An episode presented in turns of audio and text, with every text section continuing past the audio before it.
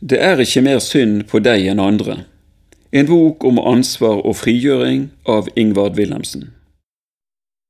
Innledning Betydningen av å ta ansvar for sitt eget liv kan etter min mening ikke understrekes sterkt nok.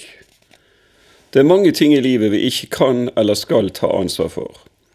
Det gjelder alt som er utenfor vår kontroll, f.eks. andre menneskers valg, hvilken oppdragelse vi får, naturkatastrofer, været, ulykker som skjer, kort sagt det meste her i verden. Men hvordan vi forholder oss til alt som skjer, hvilke valg vi selv gjør, og hvordan vi velger å leve vårt liv, det må vi ta ansvar for. Det vil si, vi må ikke. Vi gjør som vi vil. Jeg har møtt mange mennesker som vegrer seg for å ta dette ansvaret. Det kan jeg godt forstå. Det kan føles tungt og ensomt å være ansvarlig for livet sitt, med alle konflikter vi kan vikle oss inn i eller blandes opp i, økonomiske utfordringer, relasjoner av alle slag, etablering av et normalt seksualliv og følelsesmessige svingninger. Vi kommer likevel ikke unna. Ikke hvis vi vil være oppegående voksne mennesker. Det eneste som kan frita oss for dette ansvaret, er alvorlige sinnslidelser av typen psykose, senil demens eller at vi av andre tungtveiende grunner ikke er i stand til å ta avgjørelser i eget liv. En annen situasjon som kan føre til midlertidig fritak fra kravet om egeninnsats, kan være pasienter som er så dypt deprimert eller rett og slett så kjørt at de ikke orker mer, aller minst å ta seg sammen. I slike situasjoner begrenser ansvaret seg til å være villig til å ta imot behandling for sin depresjon, slik at man får tid til å ta seg inn igjen. Denne boken er spesielt beregnet på mennesker som har låst seg fast i en offerrolle, som ofte innebærer en forklaring på egne vanskeligheter og ansvarsfraskrivelse. Et offer forklarer sine problemer med ting som har skjedd i fortiden, en uløselig situasjon eller andre mennesker. Man føler seg låst, og det er ingenting man kan gjøre med det. Gjennom Berits beretning kan vi få håp om at det er mulig å komme videre i livet på en ny og friere måte. Til tross for en ekstremt vanskelig oppvekst og ungdomstid tok Berit et gjennomgripende oppgjør med sine egne holdninger og sin atferd, og det er tankevekkende hvordan hun ble fri gjennom å ta ansvar for eget liv. Boken er også skrevet med tanke på helsepersonell, og spesielt psykoterapeuter. Vi kan lett stivne i business as usual. Vi gjør som vi alltid har gjort, uten å tenke nøye gjennom om vi har dokumentasjon på at det vi gjør faktisk virker. På den måten kan vi unndra våre pasienter best mulig behandling og raskest mulig bedring. Jeg vil heller ikke utelukke at boken kan ha noe å si til helt normale nordmenn, uten påfalle store psykiske problemer. Vi kommer alle til å møte utfordringer, tap, ydmykelser og motgang.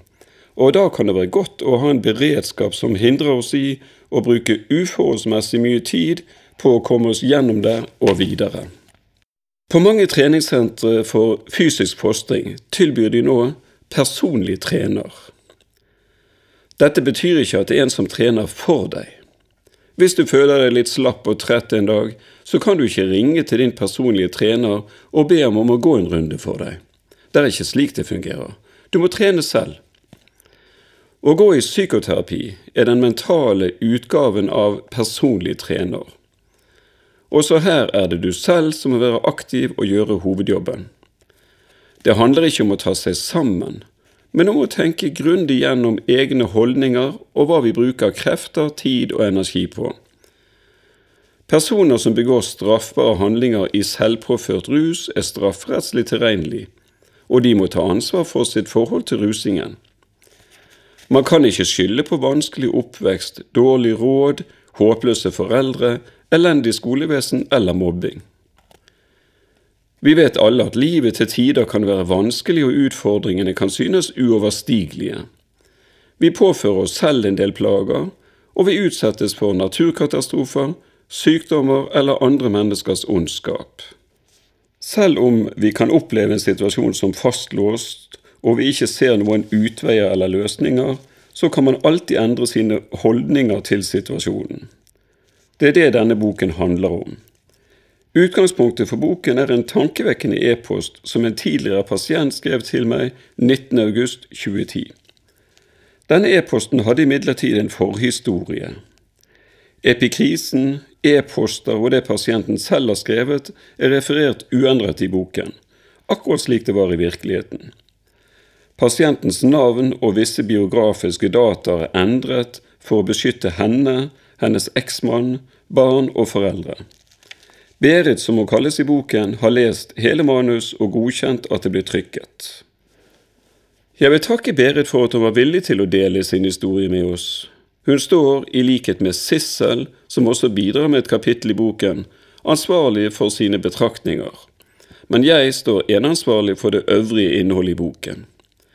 En takk også til Hertavik Forlag, som tidlig i prosessen aksepterte boken for publisering, og som gjennom sine konsulenter har gjort boken bedre enn den ellers ville blitt.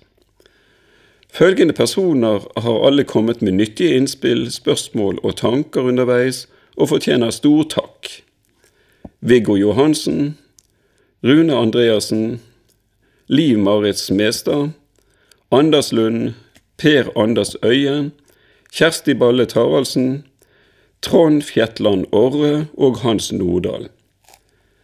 En spesiell takk til mine døtre, psykolog Ane Wilhelmsen Langeland og lingvist Vera Wilhelmsen for deres viktige bidrag.